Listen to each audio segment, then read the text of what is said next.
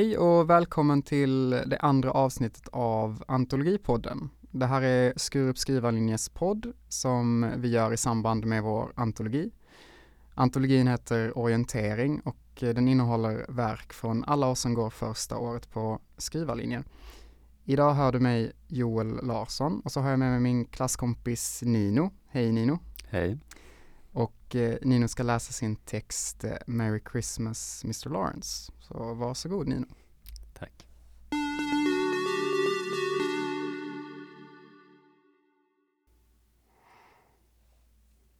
Leendet. Det röda håret. Hennes flammiga kinder. Ögonen som glöder. Han sitter framåtlutad och håller sina händer i knät på henne. Hon stryker med sina fingrar över hans. Vi ska av här. Tåget rullar in. De tar varandras händer och svajar bort mot dörrarna. Det är bara några få minuter kvar tills de är hemma, men de stannar för att känna på varandra. Hon andas i hans öra. Jag har saknat det här. Hennes hand är kall mot hans mage. Vi är snart hemma. En fågel iakttar dem från en av buskarnas kvistar bredvid porten. Mikasa är Sukasa, säger han när han vänder sig om och tittar på henne. Hennes blick får honom att le. Det pirrar i hennes kropp. Hon följer honom in och hennes mungipor börjar sakta dras upp.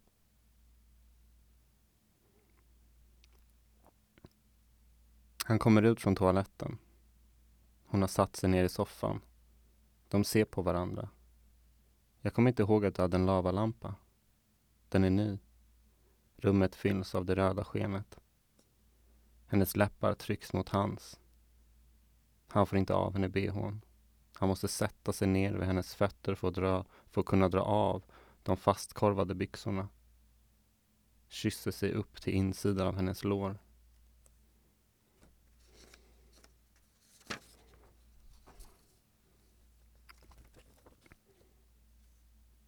Jag ångrar inte att vi träffas nu. Inte jag heller. Minns du vi vandrade på ängen den natten? När jag gav dig Orions bälte? Jag saknar det ibland. Tystnad. Jag saknar att vara fri. Att vara så långt borta. Ensam med stjärnorna. Du är hög. Jag vet. Han drar sina fingrar genom hennes hår. Hans läppar mot hennes kind. Värmen från hans andedräkt. Han kysser henne i nacken. De små hårresande prickarna sprider sig över hennes armar. Hon knyter sina ben över hans rygg. Vinden drar i träkronorna.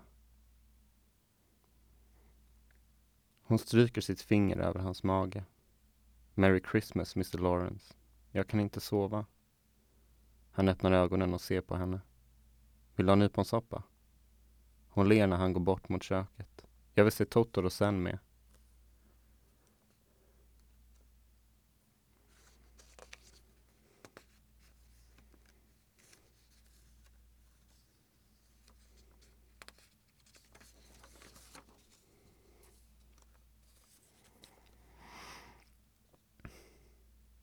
Solskenet går i strimlor över henne där hon ligger med benen hängandes ner mot golvet från bäddsoffan.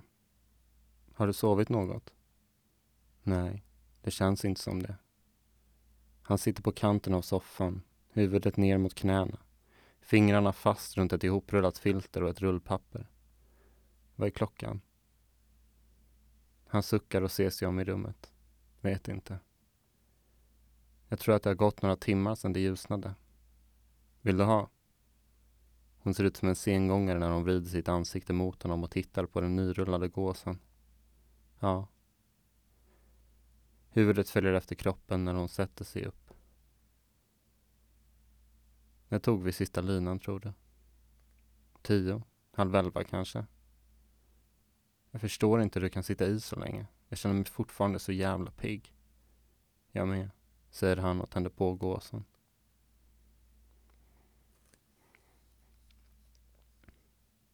Det är så fint ute.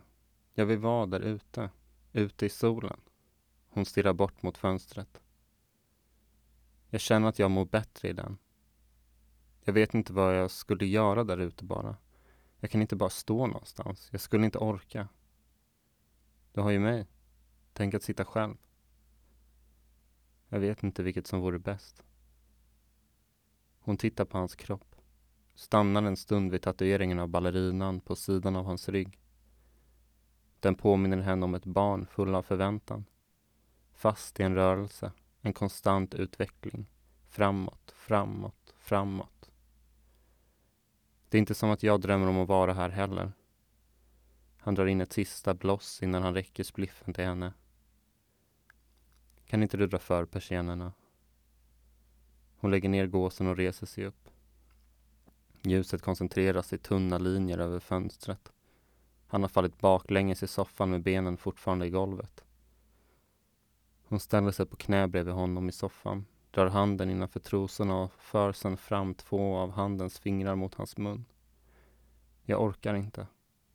Den bekanta syrliga smaken mot hans tunga när hon trycker in sina fingrar. Så ruset igen.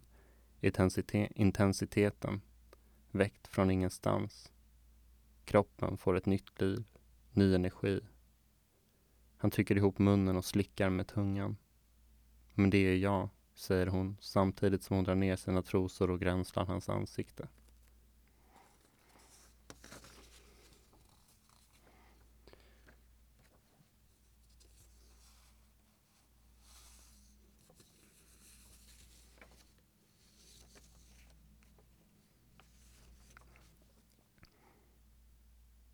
Armen skakar när han sträcker sig efter vattenglaset.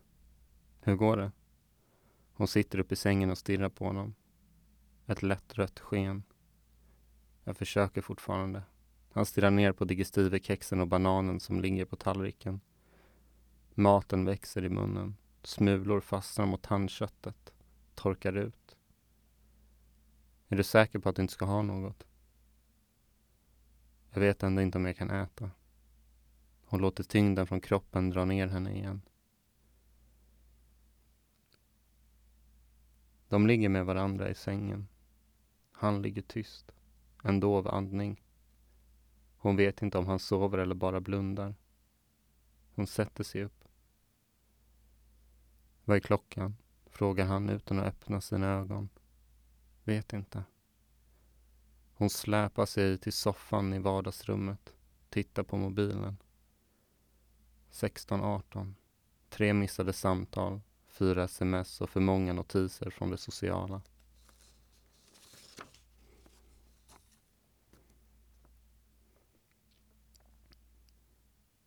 Kanske om vi sätter på lite musik. Jag vet inte vad jag vill lyssna på. Inte jag heller.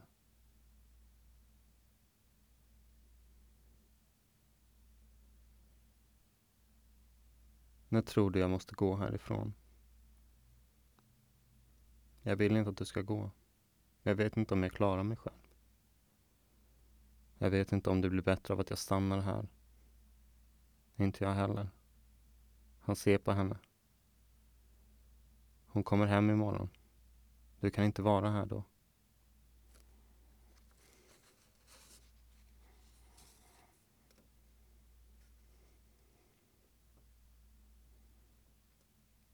Det är mörkt ute. Jag är trött på den här. Hon stänger av lavalampan. Han ligger tyst och stirrar upp i taket. Kommer du stanna här i natt med? Jag vet inte. Hennes telefon börjar vibrera. Ska du inte svara på det? Nej. Har du hört av dig än? Nej. Tystnad. Har du någon benzo? Hon ser på honom när han går bort till byrån och drar ut den översta lådan till höger. Ryggen är böjd och axlarna tunga.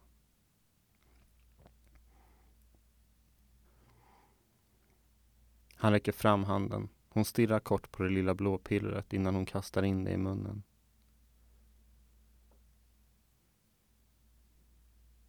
Hon tittar bort mot honom i sovrummet när hon tagit på sig skorna. Jag går nu. Dörren går igen utan svar.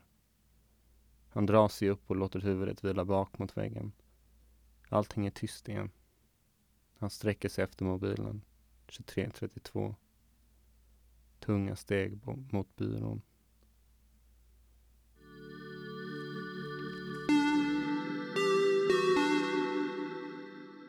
Tack så jättemycket. Varsågod. Det var, det var en intensiv läsning. Tyckte du det? Ja, det var nice. Ja, det var kul att höra. Det, jag tycker det är så svårt när man, eh, när man läser sin egna text och, och veta hur den, hur det är, hur den hörs liksom.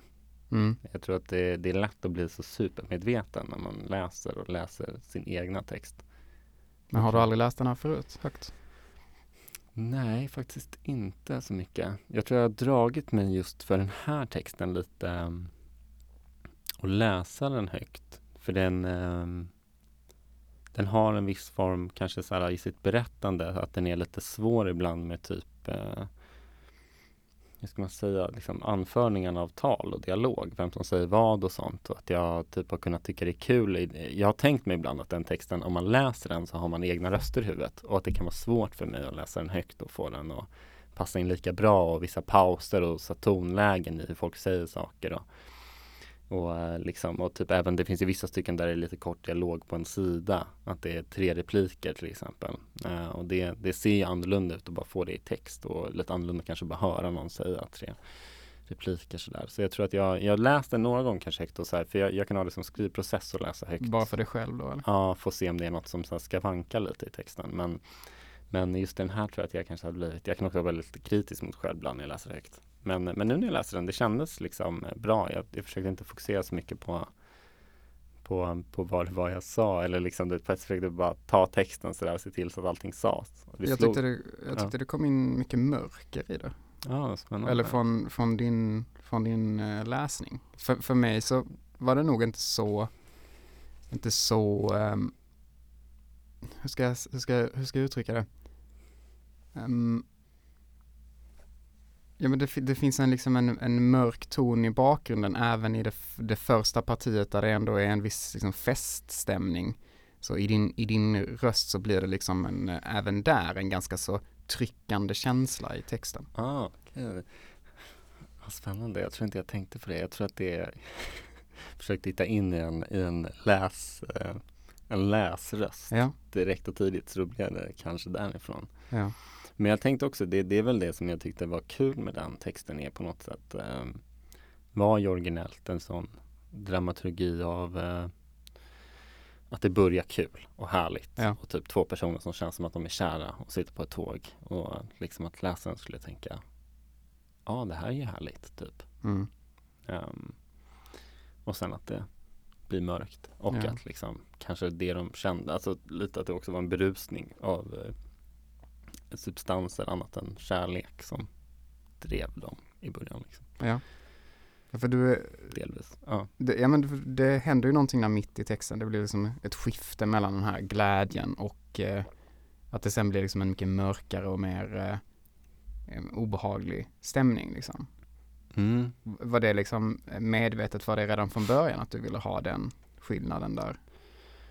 Ja, jo men jag tror, jag ska, det var ett tag sedan jag började skriva den här så det kommer tillbaka så jag tänkte då. Men jag, jag, jag vet att det har funnits en medvetenhet just i när jag började skriva texten att jag ville egentligen um, skildra någon form av just ha en sån, liksom landa i någon så här pissig, typ bakis avtändningskänsla. Mhm. Så det fanns definitivt med typ en så här eh, och jag tror att jag kan tycka sånt är intressant lite mycket i, kanske inte bara i mitt skrivande men allmänt saker, jag har så här skiften av saker och kontraster. Ehm, och när, när jag började skriva den så är jag ja, det är väldigt säker på att det tidigt fanns med en tanke just av att, att hitta ett skifte, att det skulle liksom landa på någon annanstans ifrån var det slutade. Och sen tror jag att det här eh, i, nu, det här är lite av en äldre text för mig. Jag, jag tror jag började skriva på den för ja, men nästan två år sedan. Och då kommer jag ihåg när jag, alltså så här, bara första dagen jag pillade på den, att jag tänkte att jag skulle skriva någonting större typ och lite så här mer, en annan form av novell. Och sen Mm. så blev det väldigt kort och lite och fint. Eller, eller liksom, man säga som sin egen text blev kort och fint. Men det blev eh, kort och du vet eh, namn togs bort och det var bara han och hon och liksom så här, det blev anonymt och få rader. ehm, jag hade läst en bok av Gunnar Ardelius som hade någon så här väldigt sensuell väldigt sensuell eh, aura till sig och jag tänkte att så här, och väldigt eh, lite så här nästan lyriskt språk. Ehm, och då när jag läste den tänkte jag så här, "Ja, men så här vill jag skriva som han gör. Ja. Men jag vill inte skriva på det här sensuella, typ ungdomliga sättet han gör, utan jag vill ha något lite mer vuxet med mer typ sex och mer typ droger och lite, alltså så här, typ lägga den spicen som jag tycker jag kan ha i liksom andra texter jag skriver och, och blanda det tror jag tanken. Det kanske flög iväg från din fråga. det kan man kanske, men det, Ja, gör wow. det är bra ändå. Jag tänkte, hur, alltså hur, eh, du pratade lite om eh, att den är lite gammal texten eller att, den, att det var länge sedan du skrev den, men minns du hur texten kom till för dig? Mm, jo men det gör jag. Ehm. Alltså det, det, det är kul, alltså jag kan nog väldigt tydligt lägga ut olika markeringar till så här hur den började skapas. Alltså jag tror att dels så fanns det en grej att jag, jag pluggade Ursäkta mig alla som lyssnar. jag pluggade på, um, på Södertörn då, hade precis börjat jag hade börjat B-kursen i kreativt skrivande och skrivande var ganska nytt för mig. Jag hade börjat skriva när jag började på den kreativt skrivande A-kursen där. Och då hade vi en delkurs som hette någonting med typ fanfiction och vi alla skulle läsa Stolthet och fördom och skriva en fanfic av det. Det var någon skoluppgift och jag hatade Stolthet och fördom. Um, jag har inte läst vidare sedan dess men jag bara hade jättesvårt att ta med den boken. Jag tyckte den var skittråkig uh, och det liksom verkligen tog stopp för mig typ. Um, jag har liksom till och med börjat liksom mejla lärare och vara så här, jag är ledsen men det, bara, det går liksom inte med den här boken. Jag förstår inte vad det är. Alltså jag kan göra vad som helst. Ge mig vilken kompuppgift som helst men jag kan inte göra det här. Men då i liksom att jag skulle skriva någon fanfic hade stress över det så tror jag att det var också någon dag där jag var så här väldigt bakis men jag började skriva på den här eh, och kände mig ganska low. Så det började egentligen, jag tror de så negativa, alltså lite där deppiga i det här, liksom bakisheten var nog det första som började komma i den här texten.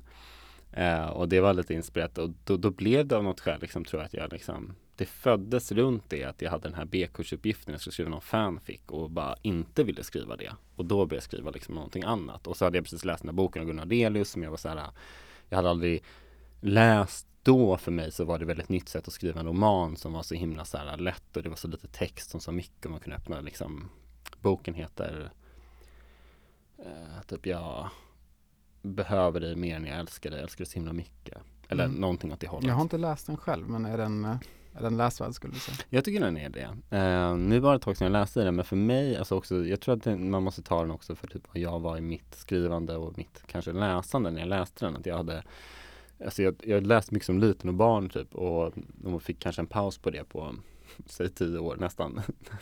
typ, alltså det var när jag började på kreativt skrivande som jag började verkligen läsa mycket igen.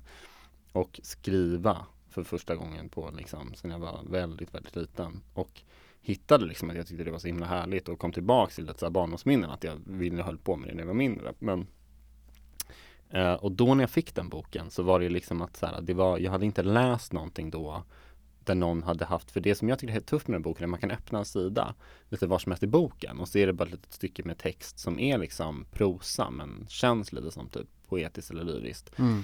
Och att det, allting liksom, det jag tyckte den var så fint, man kunde öppna lite här och var och bara läsa lite stycke och ta till sig det. Samtidigt som att det är en hel roman, det är liksom en historia från början till slut. Och det var, för mig då så var det som en sån här, aha, så här kan man också få skriva text. Fan vad fett, fan vad häftigt. Och jag blev väldigt så här, ja ah, men så här kanske jag kan skriva för jag tyckte inte jag hade så bra Alltså att jag var liksom, jag tyckte inte jag hade så, så här stort ordförråd, hade så mycket Mhm. fina ord eller så, här- så här ett fint skrivande typ. Men att jag tyckte att så här, ah, jag kanske kan hitta det lilla sensuella typ han har, men lägga min touch på det. Mm. Ehm, och tänkte jättemycket, kommer jag ihåg, kring när jag skrev den här novellen just att jag ville ha så korta små stycken som berättade allting. Mm. Ehm, Men har du alltid legat nära även det lyriska i det du skriver eller har du nej, prosa främst som du nej eh, det har alltid egentligen varit prosa. Eh, och jag har känt att jag aldrig har förstått lyrik, typ. Jag börjar ju nu under, eller liksom nu under det här året där vi har pluggat här på Skurup så tycker jag att jag har kommit mycket närmare till lyrik och börjar förstå det mer och mer och typ uppskatta det mer och mer och är sugen på att skriva det mer själv. Jag tror Mm. att jag försöker hitta lite mer så lyriska inslag Mm. i mina egna texter. Jag kan känna att det är lite befriande nästan att, att för att man har det känns som att när det handlar om prosa så har jag mycket mer eh, förutfattade liksom, tankar om hur, hur jag vill att det ska bli och mer, eh, mer eh, idoler som man är så här, ja ah, jag skulle vilja skriva så här. Medan i lyriken, eftersom jag inte läser så jättemycket poesi och lyrik själv, så är det som att det är ganska öppet fortfarande för mig. Ja, nej men alltså jag håller helt med dig där. Jag tror att det är, för det är också just det att inte ha någon riktig så här idol i det heller. Jag har liksom inte riktigt någon sån, jag känner samma som dig där, att jag bara okej, okay, liksom det finns väl, jag vet om några poeter nu och sånt och jag kan tycka vissa liksom skriver fint ja. eller du vet, man tar till sig men jag är ingen sån liksom go-to som jag känner så här, så där vill jag också skriva. Nej, och då blir det kanske lite mindre press ja. från det hållet liksom. Men verkligen. Jag, jag, jag, känner, just det känner jag att det är väldigt presslöst och att jag tror att det har blivit den här lilla också för mig nu att att jag kan, typ om jag skriver prosa så kan jag tänka, då blir det alltid vara som att allting har en så stor eh, idé och tanke nästan. Alltså allting ja. typ blir en berättelse på, ja. man måste ta lite tid och sidor. Men lyrik känns som det just kan vara bara säga, jag hade en liten känsla här som jag, eller du vet en tanke nästan på några ord. Alltså du vet så att det, det, kan vara fem ord på ett papper typ. Eh, och det känns också väldigt befriande. Att kunna liksom hantera text och skriva text utan att det måste vara något så himla stort och typ Ja, alltså inte för att säga att lyrik inte är stort. Nej, nej, nej. Men eh, ja. På ett sätt har du ju skrivit lyrik här i denna Ja, tack. Det har varit, jag blir glad om man eh, om man eh, säger det. Ja, men det, det är mycket, det är, jag tycker du jobbar mycket med stora känslor också, det är väl mycket det som jag känner. Um, men hur, hur kändes det liksom att läsa det högt nu eftersom du inte hade läst den högt förut? Um, det kommer låta som jag hybris, men ja. det kändes nice. Jag tror att det är för att vi har precis haft en, en process, alltså um, den här är ju med i vår antologi och det är därför vi gör den här podden. Och jag hade ju lite av ett annat bidrag till antologin som jag liksom inte blev eh, riktigt färdig med och så tog jag den här och tänkte om jag ska bearbeta den här gamla novellen jag ja. har för den är bra. Och nu när jag läste det högt så kände jag väl kanske så att jag bara Ja men den har blivit tajtare typ och den har liksom, den har bearbetats och men typ så kände jag. Jag känner igen mig i det, att uh, när jag först lämnade in min text så så precis innan uh, vi skulle lämna in sista versionen så, kände, så läste jag det så kände jag så här, detta är inte detta är inte det jag vill visa upp. Mm. Och sen gick det någon vecka, jag fick tillbaka hur, det, hur liksom texten skulle se ut när den var satt. Och då så kände jag ändå, äh, detta är inte så illa. Det, det fanns någonting här ändå. Det finns, det finns en sån grej tycker jag att man kan, man stirrar sig blind på sina egna grejer så mycket. Man går in och, och man kan lätt hamna i att man, att man känner, känner att det man producerar är ganska dåligt. Alltså ja. det blir självdestruktivt. Mm. Eh, kan jag känna i alla fall. Nej men definitivt. Um, så kan jag känna. Jag, jag, jag är väl, jag skriver på andra grejer nu där jag känner mig väldigt mycket igen i den processen av att sitta och så här återkomma till texter jag skrivit och bara, vad är det här liksom? Och här tror jag varit, det liksom varit lite motsatsen typ att jag, nu när jag börjar pilla på det så mm. tror jag att jag har haft en känsla just av att grejer har varit lite så ö, ö. Men nu mm. när jag börjat liksom fylla ner den här så hade jag någon nu när jag läste den, i alla fall idag så där, titta på den att jag bara, nej men den känns liksom den känns bra typ. Jag tycker den känns bra för den här antologin. Det är kul att den får vara till någonting. Ja. Eh, jag känner inte så att det liksom är världens bästa text. Men jag känner att den liksom är så här, det känns kul att ha gjort någonting som jag känner mig nöjd med. Som jag känner mig klar med typ. Mm. Um, och uh, så. Jag, mm. ja. Vad skulle du säga? Eller på liksom, det säger alltså kritik. Jag, jag, en grej med den här um, som jag tyckte var spännande just i en sån skrivprocess var att jag Alltså om någonting så har jag tagit bort mer text på den nu och bara ändrat lite meningar och sånt. Men innan jag tänkte jag skulle liksom slipa till den så var det som att jag ville lägga till, det fanns ju nu var det någon gång vi hade en läsning där du läste också, det fanns ett till stycke där det var lite så här ord och grejer lagt till. Och då fick jag någon sån där grej att jag liksom efter ett tag, och det kanske är varför jag liksom känner som jag känner för den nu, att jag är nöjd med den, var att jag liksom bara sa till mig själv typ att jag bara, nej men den, eh, den behöver liksom inte ha mer text. Alltså du behöver inte hitta på en ny sida med lite repliker i eller du behöver inte jag hade ju sådana, du vet, vad heter det när man liksom tar in texten en bit, du vet jobba med den grafiskt och sätta ord och lite så på olika platser och så var det liksom, jag kände det också kanske efter en respons som jag hade, att jag bara Nej, den räcker, alltså du vet den är okej som den är, den behöver inte bli så mycket mer. Så du kände att du försökte ändra det bara för ändrandets skull lite grann eller? Ja men typ blandat med att jag tänkte att sen nu har jag lärt mig mer och du vet, ska jag testa, kan jag få en lite så här, kan jag få en ännu mer lyrisk av att du vet flytta hur den ser ut på pappret, alltså mm. eh, liksom att så här, kan jag liksom eh, göra radbrytningar här och var som mm. kanske är annorlunda eh, och hitta någon annan sån stilistisk grej i den. och, och jag tror att jag kände liksom efter ett tag mer att jag bara, men det här är inte den att det är fine att göra det. Men den här texten är nästan ish klar och den är liksom från ett tag sedan. Och att, att typ så här, varför inte bara låta den vara det den ja. är redan och låt nöja sig där. Ja. Att den är så här, den är ju typ klar här. Du behöver inte, du kan bara liksom slipa de här små orden och du vet ta bort lite och kanske trycka ihop vissa saker och liksom hitta några formuleringar men behöver inte liksom göra om hela grejen. Den är bra som den är typ. Och, ja. och då när jag landar i det så har jag väl haft en acceptans för liksom så här, okej okay, men det här kommer vara texten, nu är den så här. Jag kan inte liksom, ja, det är kanske är det som gör att jag känner mig okej med den nu, mm. att är nöjd med typ vad det jag kan, jag kan känna att det är en väldigt viktig lärdom och en bra teknik också att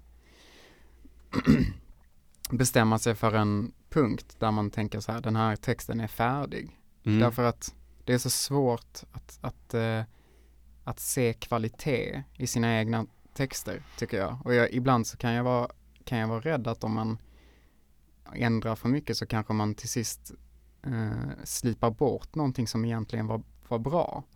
Och att det, på något vis så tror jag att det kan finnas en, en poäng i att skriva och bestämma sig för att nu ska jag inte hålla på mer med den här texten, nu är den färdig liksom. Och sen så mm. får man ta med sig lärdomen till, till nästa text istället, istället för att tro att man hela tiden, du vet, som en, som en eh, skulptör liksom håller på och mejslar, mejslar, mejslar, bara, ah, bara jag mejslar lite till så kommer det bli perfekt och sen så till slut så har man bara en hög med damm liksom.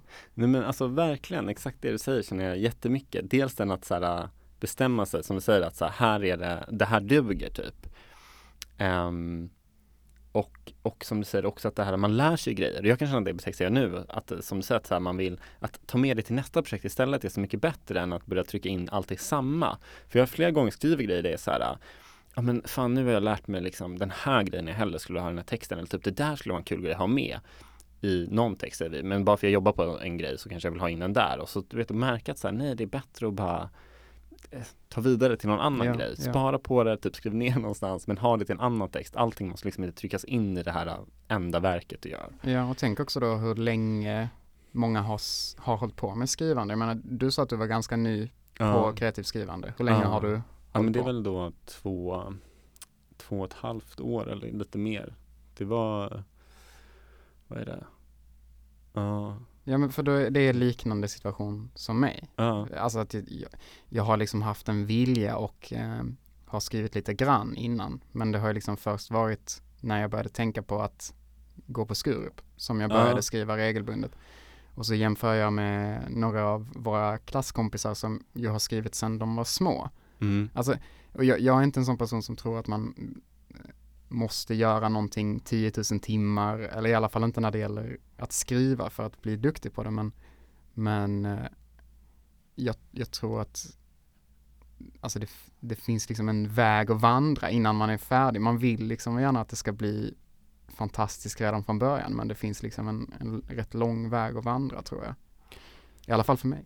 Ja, men det, det kanske ni är med Jag tror också att som, alltså jag har typ två saker jag vill säga på det stället. Dels jag tänker också det att så här, man kan ju märka att har man hållit på länge tror jag det är jättebra från liten. Men det är så att det behöver inte betyda att man är liksom, för det är så abstrakt det vi håller på med. Så att det, det är liksom, jag hade ju den grejen att jag tänkte liksom bara mentalt att så här, för jag var ganska keff i skolan, eller jag var inte så keff i skolan, jag var bara aldrig i skolan när jag var liten. Jag vill bara paraphrase där. Men, men så jag hade dåliga betyg i svenska och sånt för att jag liksom inte gjorde så mycket. Um, och, och typ hade bara tänkt mig typ att så här, jag inte typ visste så mycket om typ eh, eh, grammatik för att typ kunna skriva. Men sen när jag började skriva och liksom gick en kurs i märkte jag att så här, oj, alla kan skriva. Eller du vet, det handlar typ bara om, det finns egentligen inget så här, eh, det finns ju rätt och fel grammatiskt, men jag tror att vi som i alla fall går upp en mer kreativ linje kan säga att så här, man är ganska okej okay med att all text på ett papper blir liksom, att du vet, du kan bara skriva vad du vill. det, är mat det är materialet som är det viktiga, inte framställningen menar du? Eller? Ja, men typ liksom. Och ja. att sen när det kommer in i lyrik så får det ju liksom gå emot alla skrivregler. Eller du vet, liksom, jag kan göra en radbrytning här, jag kan sätta mm. ett ord där, jag kan liksom ha sådär gemener och versaler lite hur som helst och folk kommer mm. vara sådär, ja men det är ett stildrag, inte mm. typ sådär att du är keff på svenska. Ja. eh, och det, och att liksom såhär jag vet inte, jag hade någon mental spärr tror jag bara där det liksom var så att jag bara, men jag kan inte skriva och sen ja. så liksom märkte jag när jag satte mig och skrev att man bara, oj men det här är ju det man, eller du vet, liksom, ja. det är bara en grej man gör och som typ alla liksom, ish kan göra. Ja. Uh, Jag, har- jag, hade en komp- jag har en kompis som sa att eh, många som, eh, många som har liksom eh, tekniken att skriva och liksom möjligheten att skriva och får utrymme har inte de bästa historierna. Och många av de som har liksom de bästa historierna kommer liksom från en plats eh, liksom fysiskt och psykiskt där de kanske inte har möjlighet eller eller riktigt tekniken för att liksom förmedla det i skriven text. Ja, men det, det tror jag, det, det kan jag inte tänka mycket på. Eh, eller alltså tro mycket på verkligen. Alltså det handlar ju om privilegium och, och sådär. Eh, Ja, nej, men definitivt. Det, det känns som ehm,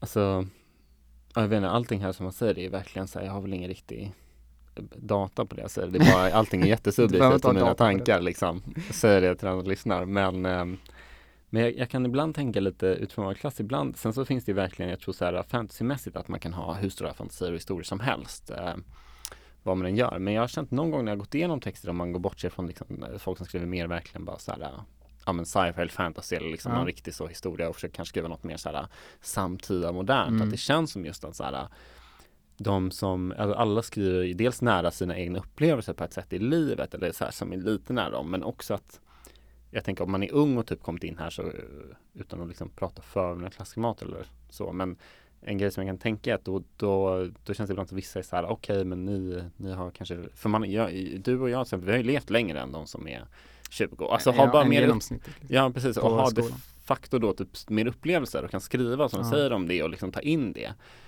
Um, ah, shit, nu vet jag inte riktigt vad jag på Ja, men jag förstår vad du menar, men det är ju många, många är också med, jag tror också att många av de som är yngre också är medvetna om det, att det finns liksom ett typ eh, ett upp, upplevelse liksom gap emellan, emellan där när man är 20 och när man är 30. För, för att inte säga mellan man är 30 när man är 40 och 40 och 50 Mm. och så vidare. Ehm, men det, det är klart att det finns väl en sån liksom eh, en, en ganska klyschig typ så skrivarlinjeprosa som, som, som dyker upp liksom, som alltid, som alltid dyker upp. Ja, jo men säkert. Och det är liksom, jag menar inte att säga att, eh, eller liksom att det är något sämre att vara ung och gå på en skrivarlinje eller sådär. Jag kan känna mig ofta liksom att jag bara, eh, eller jag kan inte känna ofta, men jag kan ju definitivt hamna i tankar någon gång att, man, att jag är sådär, ah, varför började jag skriva först nu? Tänk Ja. om jag hade skrivit också när jag var 15, 16, hur Ja. långt man skulle ha kommit nu eller du vet liksom eh, såhär att eh, fan vad cool eh, typ de är som är 20 och går på den här Mm. linjen liksom. Och de- är så jävla det kan jag ibland känna att jag bara shit om de skulle sett mig när jag var 20 de är ju så mycket mer creddiga än vad jag var vid den åldern men Mm. nu kanske de bara ser mig när jag är 27 typ Ehm, Blandat med att jag också är öppen med den där grejen att säga ja men jag har ju levt ett visst liv. Alltså så här, och det är de erfarenheterna som jag nu kan ha med i mina texter. Och du vet Mina texter om de Ja men leker med tanken att jag skriver någonting utifrån liksom upplevelser jag haft som sen släpps i en bok och så folk läser den och tycker den är nice. Då är det ju liksom av att jag har levt och börjat skriva lite senare som det var möjligt typ. Ja. Eh, Jag tror säkert att de som är fresh out of gymnasiet har totalt motsatt åsikt och tycker att de också har liksom minst lika mycket att säga som Jo men det, som- det, som har, det har de. Jag måste få klappa mig på axeln. Att jag är äldre och kom in senare. Det är bara det jag du, säger. du har Ja, lyckats bli 30. you made it. precis, jag alla, alla kids som lyssnar på det här. Sluta hata på mig, min medelåldersgris. Nej, sju. Hur har det känts för dig att kunna lägga liksom all, all din tid på att skriva nu när du går på, på Skurup? Har det gjort någonting med ditt skrivande? Ja och nej. Eller jo nej men det, det, det, det har det definitivt gjort. Ehm, Men inte bara varit positivt eller?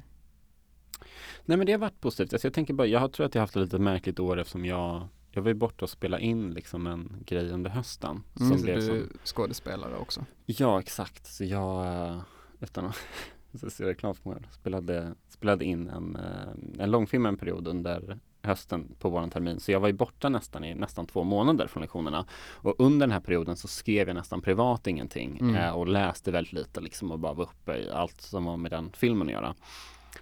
Eh, och då kände jag ju typ sådär som att jag typ inte hade haft tid att skriva. Men jag tror att det blev ju som en så här att jag tog igen mycket sen att jag började skriva på en bok liksom precis när det var klart. Alltså det började så här känna att jag kanske hade så här, nu måste jag verkligen skriva. Du nu fick måste en jag... sån kick liksom ja, sen. Ja, och den höll i sig till någonstans nu och för nu tror jag liksom att jag ändå skriver och så men ehm, det känns som jag liksom glider iväg i mitt svar här. Men jag kan ändå nog känna det, alltså på, på ett sätt att jag tror också så här, för förra året jobbade jag på sådär ett, liksom ett kontor och hade ett deltidsjobb och försökte skådespela lite och du vet bara, jag kommer ihåg när jag sökte alla folkisar att det var som att jag bara, jag måste bara komma in på en folkis, jag skiter i vilken det är, men jag pallar inte jobba till år, utan jag vill kunna få spendera ett år och vara kreativ liksom. Mm. Och det, det känner jag att jag liksom ändå kom in med en inställning att jag bara, det här ska jag liksom göra så mycket jag kan av att Mm. skriva. Och det, för det mesta så tycker jag att det har varit um, jättenice. Jag har lärt mig jättemycket. Det har varit lite nu de senaste veckorna, det har varit lite låg och så här, kommit efter vissa Mm. grejer. Men med det sagt ändå jag tror också att min lägstanivå eller liksom krav på mig själv har höjts. Så att när jag säger att jag typ har skrivit lite eller dåligt så är det ändå att jag producerar någonting Mm. och sådär. Eh, Och kanske rör mig bara bort. Alltså egentligen är det att jag bara inte har skrivit så mycket på min romanprojekt jag har och har gjort typ antologin och börjat skriva på ett kortfilmsmanus. Men liksom jobbar ju typ ändå. Mm. Eh, Men eh, skrev du när du, när du jobbade på det här kontoret också? Mm. Ja, lite. Ja. Alltså jag försökte, jag hade som ett, för det var jag jobbade väl, man kan väl säga att jag gick ut, jag pluggade ett år kreativt skrivande på Södertörn, sen hade Ja. jag ett år innan jag gick här och, och det året var det som att jag bara, nej men nu har du spenderat ett år med att skriva liksom, nu får du inte släppa det. Så då satt jag och försökte jobba liksom, jag skrev lite texter här och var och alltså typ alla mina, alla, jo men det gjorde jag liksom, alla mina texter för att komma in på Skurup var ju nyskrivna Mm. under liksom så här, den perioden och så. För det Så- där är min, det där är min sån, eh, man säga, stereotyp eller lite, vet inte vad man ska kalla det, men min, min kanske så lite förljugna bild att jag tänker att när man typ jobbar ett vanligt eh, kneg så kan det liksom verkligen ladda ens texter med någon typ av, jag vet inte, någon slags sån här arbetarenergi, liksom en sån Alltså den, sån där, att man liksom lever i, det, i den verkliga världen och skriver om det som jag verkligen kan idolisera. Ja, men sen de tillfällen när jag faktiskt har haft ett vanligt jobb så är det så att det är ganska svårt att orka. Lite beroende på vad man har för, vad man har för, liksom, för liv i övrigt också men jo, nej men definitivt, jag, jag känner igen mig i det. ja, Eh, Jag hade ju turen att jag har haft ett, liksom ett deltidsjobb som hade ganska schyssta villkor och sådär. Ehm, så jag, eh, jag liksom kunde ge mig lite utrymme för typ när, jag, när det var typ nära anställningsperioder och lägga mer tid på skrivande och sånt. Men jag, jag, jag, håller, jag håller med att jag kan liksom jag tänker väl om jag ska gå tvåan här till exempel att jag inte skulle ta CSN utan jag skulle jobba lite. För Ja. jag tror att om jag liksom bara släpps fri och ska skriva en bok och du vet inte har några liksom träffar förutom en gång i månaden typ att Mm. jag kommer liksom det tror inte jag är bra för mig. Jag tror att jag trivs med att ha någonting som får mig att du vet åka någonstans eller Ja. liksom som inte bara är att sitta på ett fik och skriva. ja, ja, ja. ja jag, Ehm. jag kan få nästan panik när jag tänker på det livet. ja Alltså nej, men- bara så, min, mina enda fasta tider är att gå till det här kaféet klockan sju på morgonen eller åtta på morgonen när man nu går och sitta där och skriva under dagen och sen inte ha liksom gjort något mer. Alltså, du, missförstå mig inte, man, man gör ju inte någon skada eller så på det viset, men, men för mig personligen, jag tror att jag alltid har haft någon sån där arbetsromantik, liksom att det är bra att jobba bra liksom att tjäna sina, sina pengar på liksom ett gammalt hederligt sätt. Mm. Den, den tanken på att liksom jobba heltid som författare på det sättet kan ge mig lite så, lite så, alltså jag blir lite rädd inför tanken. Typ. Ja, nej men det, alltså det skulle kännas konstigt jämfört med typ alla kompisar som har, om man skulle liksom bara jobba som författare och Mm. liksom tjäna, ha, tjäna pengar så man skulle kunna sitta och skriva lite hela tiden. Samtidigt skulle det vara underbart och, Och härligt precis, men jag tänker så fort man, om man då lyckas liksom sälja den där boken liksom, och, och, och börja få in lite pengar av det, då hade det nog känts bättre. Men just nu när man är liksom sådär i gränslandet, man är inte publicerad och man har kanske inte liksom ett, man har inte pratat med något förlag eller någonting sånt. Att då börja liksom på det där, det livet, Ja. det, det känns eh, väldigt så märklig tanke för mig. Ja, verkligen. Jag kan, man, jag kan känna igen mig det. Jag kan också finnas, alltså man ska vara sådär rädd att liksom börja bli fattare och tjäna pengar eller liksom så. Att jag kan också hamna i att jag undrar om så här att det, är- ibland, alltså för det mesta kan jag också känna så här, åh fan det var nice att tjäna pengar på det man vill göra liksom så här, och så. definitivt. Men jag kan också få ibland en sån rädsla som är, du vet så här, tänk dig att man släpper den här boken och liksom får mycket publicitet och det går bra typ och att man, eh, fan nu tar jag bort vilken tanke jag hade. Eh, Alltså typ att det, det, finns något i den här typ struggle kanske som är nu att vi liksom så måste ta ett deltidsjobb och du vet mm. man har inte så mycket pengar alls och liksom så här. Äh, du tänker att det stimulerar en äh, till att skriva mer? Ja men typ att, att det finns en viss så här, jag tror att jag, jag, kan tänka mig att om det skulle bli så att typ du och jag blir superförfattare mm. som har fett med deg, mm. att vi någonstans kommer vara så här jobbiga och äckliga, att vi sitter och kollar tillbaks och bara fan när jag hade det jobbigare förut när jag hade mindre pengar och du vet ingen visste vem jag var, då hade livet en annan charm för då var det liksom en struggle typ. Att man romantiserar det. Ja men det är samma sak som mm. jag romantiserar det här med att liksom att jobba ett, dagjobb och också skriva liksom. Mm. Att man, eh, man tänker att man måste må lite dåligt för att kunna liksom göra någonting, eh, liksom göra riktigt bra text. Ja. Det, det, det, har jag svårt att komma ifrån den, den tanken, liksom att det ofta kommer från något mörkt. Ja, jag tror att det kan vara typ lite sant om det kommer ifrån liksom en viss form av typ poesi eller Alltså just sådana här typ lite alldagliga, alltså typ såhär mm. Eh, samtida texter om man ska säga. Men om man skriver typ nu Sagan om ringen ett dåligt exempel för det kom väl från så att han var i världskriget. Men, mm. men just det, jag kan tänka mig om man ska bara skriva, så när jag tänker när jag själv var liten typ, det var som en stor grej när jag skriva nu. För när jag var liten så ville jag, alltså när jag eh, skrev viljan och skrev författargrejer, men jag hade mm. mycket fantasi, eller fortfarande har, men då skulle allting vara så här ett, du vet, älvor och du vet så här, drakar nästan och typ eh, magiska Som grejer. Som sagor. Ja precis, mycket mer så här sagoaktigt. Och det tänker jag att jag, jag skulle nog kunna skriva utan för mycket mörker i. Ja. Alltså att, att det, det bara är så drivs av att ha haft någon fantasifull uppväxt eller någonting. Ja, det känns mer som ett jobb. Alltså det är ju kanske respektlöst mot alla som skriver barnböcker och sånt men, ja. men det, det, känns lite mer som att man kan ha det som Alltså ramarna är lite fastare, om du förstår mm. vad jag mm. menar. Ja, jag fattar. Jo, jo men det kan jag, kan jag köpa. Um, ja, nej men jag, jag, jag, jag slog mig en tanke, jag, jag liksom um, jag tror definitivt att jag det, det, var inne på att det är svårt med den här liksom bara sitta själv och skriva och göra den här romanen och typ nu, jag, jag börjar jobba liksom jag, jag lämnade lite och skrev på den roman jag håller på nu och skrev på en kortfilm mm som jag gjorde med några andra så här, filmelever här och då märkte jag också att jag tror att det blev som ett sånt så här, varför det också fick ett, dels så fanns det att jag satte mig någon deadline att så här, det ska filmas på påsken.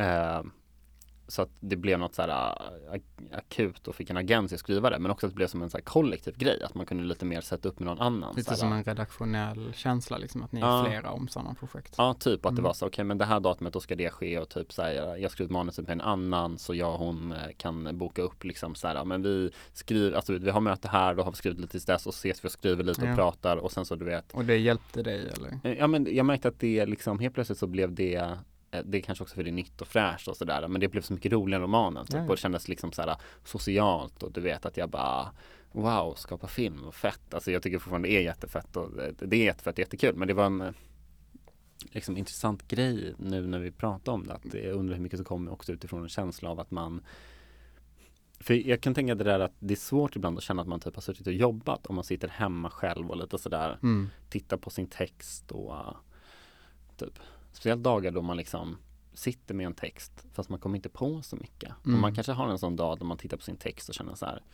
Wow, jag kan inte skriva. Fan, eller typ, vad har jag skrivit hittills? Det här är skitdåligt. Det här är så jävla dåligt. Typ. Jag kan inte låta någon läsa det här. Mm. Typ. Och liksom ha någon så här existentiell ångest. Att man bara, har jag spenderat så här mycket tid på den här skiten? Typ. Jag kommer aldrig få det här liksom för jag kan ha sådana liksom hårda dagar när det kommer till Det låter som en väldigt hård dag ändå. Ja men det är kanske den värsta av dagar. Och då... för, för mig är det verkligen det som att komma ut ur dörren, gå någon annanstans, jobba och sen komma hem. Det, det är det som jag, som jag tycker är, är liksom skönast nästan.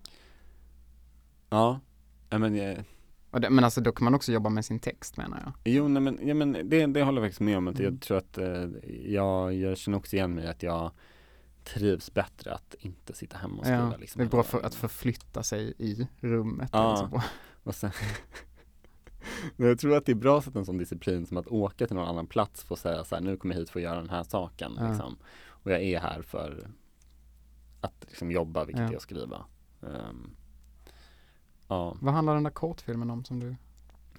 Um, en kille som ska ta livet av sig. Ja. Den, Typisk Nino Nino-ämne eller? ja, precis. Det är ett genomgående. Nej, Finns det drogproblematik med i? nej det är det faktiskt Det är ingen, ingen drogproblematik. Um, nej men den, eh, den är kul. eh, Den är kul Det för låter inte som kul ämne.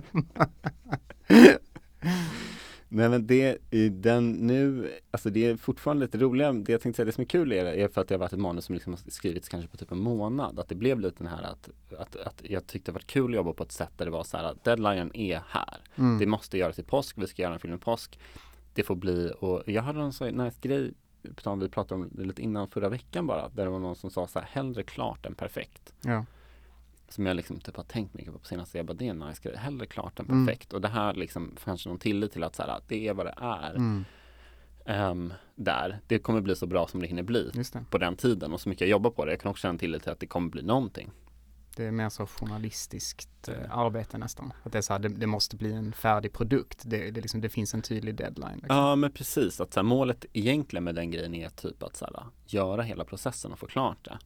Ehm, men- det, ja, vad, vad den handlar om är Alltså det, är- det känns så konstigt att dela någonting som är så färskt men det är en kille som ehm, tänker ta livet av sig ehm, och eh, har jättemycket ångest, har haft en stor existentiell ångest länge och eh, alltså bara får en kanske en, eh, lite av en så här tänker i en viss affekt men ändå inte så här att det, ja, han, han kan inte sova, har jättemycket, liksom känner så här, nu är det klart, nej jag vill inte leva längre, jag ska åka och dränka sig själv Ehm, hemma på, i sin gamla hemstad. Dränkning alltså. Ja, Det känns som ett väldigt svårt sätt att ta livet av sig. jo men det, precis det var det. Så det, det, det sånt här, nu kommer vi in i något annat så skapande snack kanske. Ehm, dels så är det typ för ehm, det har egentligen med att göra för grejen är att jag ville manusmässigt att det som skulle ske är att den här snubben träffar en kompis till honom när han åker hem som är en sån här gammal polare som är lite som en comic relief dude som typ bara är såhär, ja ah, men du liksom vi ses eh, och är väldigt såhär, bara tvingar med han som vill ta livet av sig att de ska hänga typ. Eh, och att, jag vet inte, jag tänker typ att det finns en rolig komik man kan också leka lite med i det här seriösa att, att liksom någon som vill ta livet av sig måste typ träffa någon sån här helt idiotisk jobbig person som vägrar släppa en och bara dra med en och så liksom tvingar dem hänga typ att det är lite så här det roliga, det, det finns lite sketcher senare sen som liksom är just det här dynamiken mellan de två. Att han, han säger inte heller att han vill bara åka hem igen för att gå och dränka sig. Eh, det händer, men det händer sen mot slutet, för han liksom brister till slut och bara Jag ska gå, du vet Jag vill gå och dö typ och då så har de något samtal i det här som liksom ska är mer empatiskt och liksom behandla det Ja. ämnet på ett finare och bättre sätt och liksom båda öppnar upp sig lite för varandra. Men ehm, Har eh, du skrivit det här manuset eh, själv eller tillsammans med någon annan? tillsammans med, med en, en tjej på, på filmlinjen. Ja. Ehm, och vi båda, typ liksom så här, jag, jag har ju har, har ju mått liksom sämre förut psykiskt dåligt för Mhm. många år sedan och liksom haft, själv haft så här, suicidala tankar och sånt. Så, så så här, det är områden som jag ändå har känt att så här, jag kan känna att jag har haft själv och intressant att utforska typ. Eh, Men och tycker det är så här jag menar, om, alltså jag vet inte varför jag hamnade Det bara var som att så här, det blev någon tanke jag hade, alltså du vet, då skulle vi göra någonting och så eh, föddes något till något. Men dränkningen kom i alla fall utifrån att så här, jag för ett tag tänkte hängning eller någonting, men det som det blev, varför jag tycker dränkningen funkade var för att jag tycker det kan vara lite fina, alltså jag märkte att han hade en viss relation till havet hela tiden Mm. i många scener som jag tyckte att så här, det var kul med havet och han typ. Ehm, och sen så är, finns det lite av en grej för jag, Virginia Woolf tror jag dränkte sig också. Eh, så jag kan lägga en bok av Virginia Woolf någonstans i liksom bakgrunden eller förgrunden i någon Mm. scen som en liten hommage. Men, men också att det blev liksom, nu är tanken med att han liksom ska gå ner och typ dränka sig. Var det inte hon som stoppade huvudet i en ugn? Nej men var det hon? Fan jag trodde att hon dränkte sig, att hon bara simmade ut.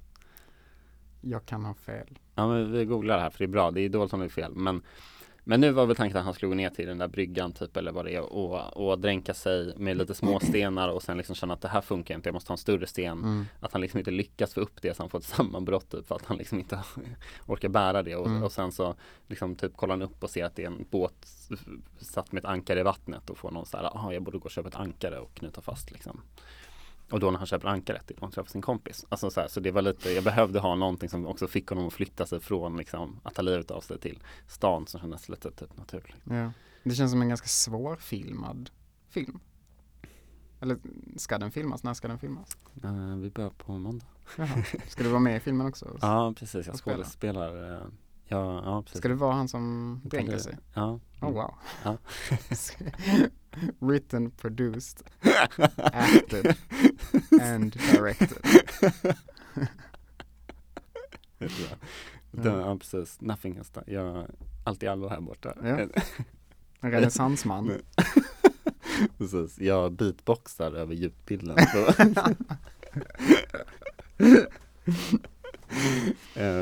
Ja, ja, shit jag tänkte inte att vi skulle prata om den filmen. Men ehm, ja, det ska ske. Nu känns det lite märkligt att börja prata om sin, eh, alltså att prata om någonting som är i en skrivprocess. Men det var kul. Mm. Men du, ska vi ta och runda av? Ja, men det tycker jag. Det Ja. var kul upplevelse. Tack så jättemycket för att du ville vara med. Tack. Och tack för din fina läsning. Ja, nej, men tack själv för, eh, för att du gör den här podden. Ingen orsak. Det är ett rent nöje.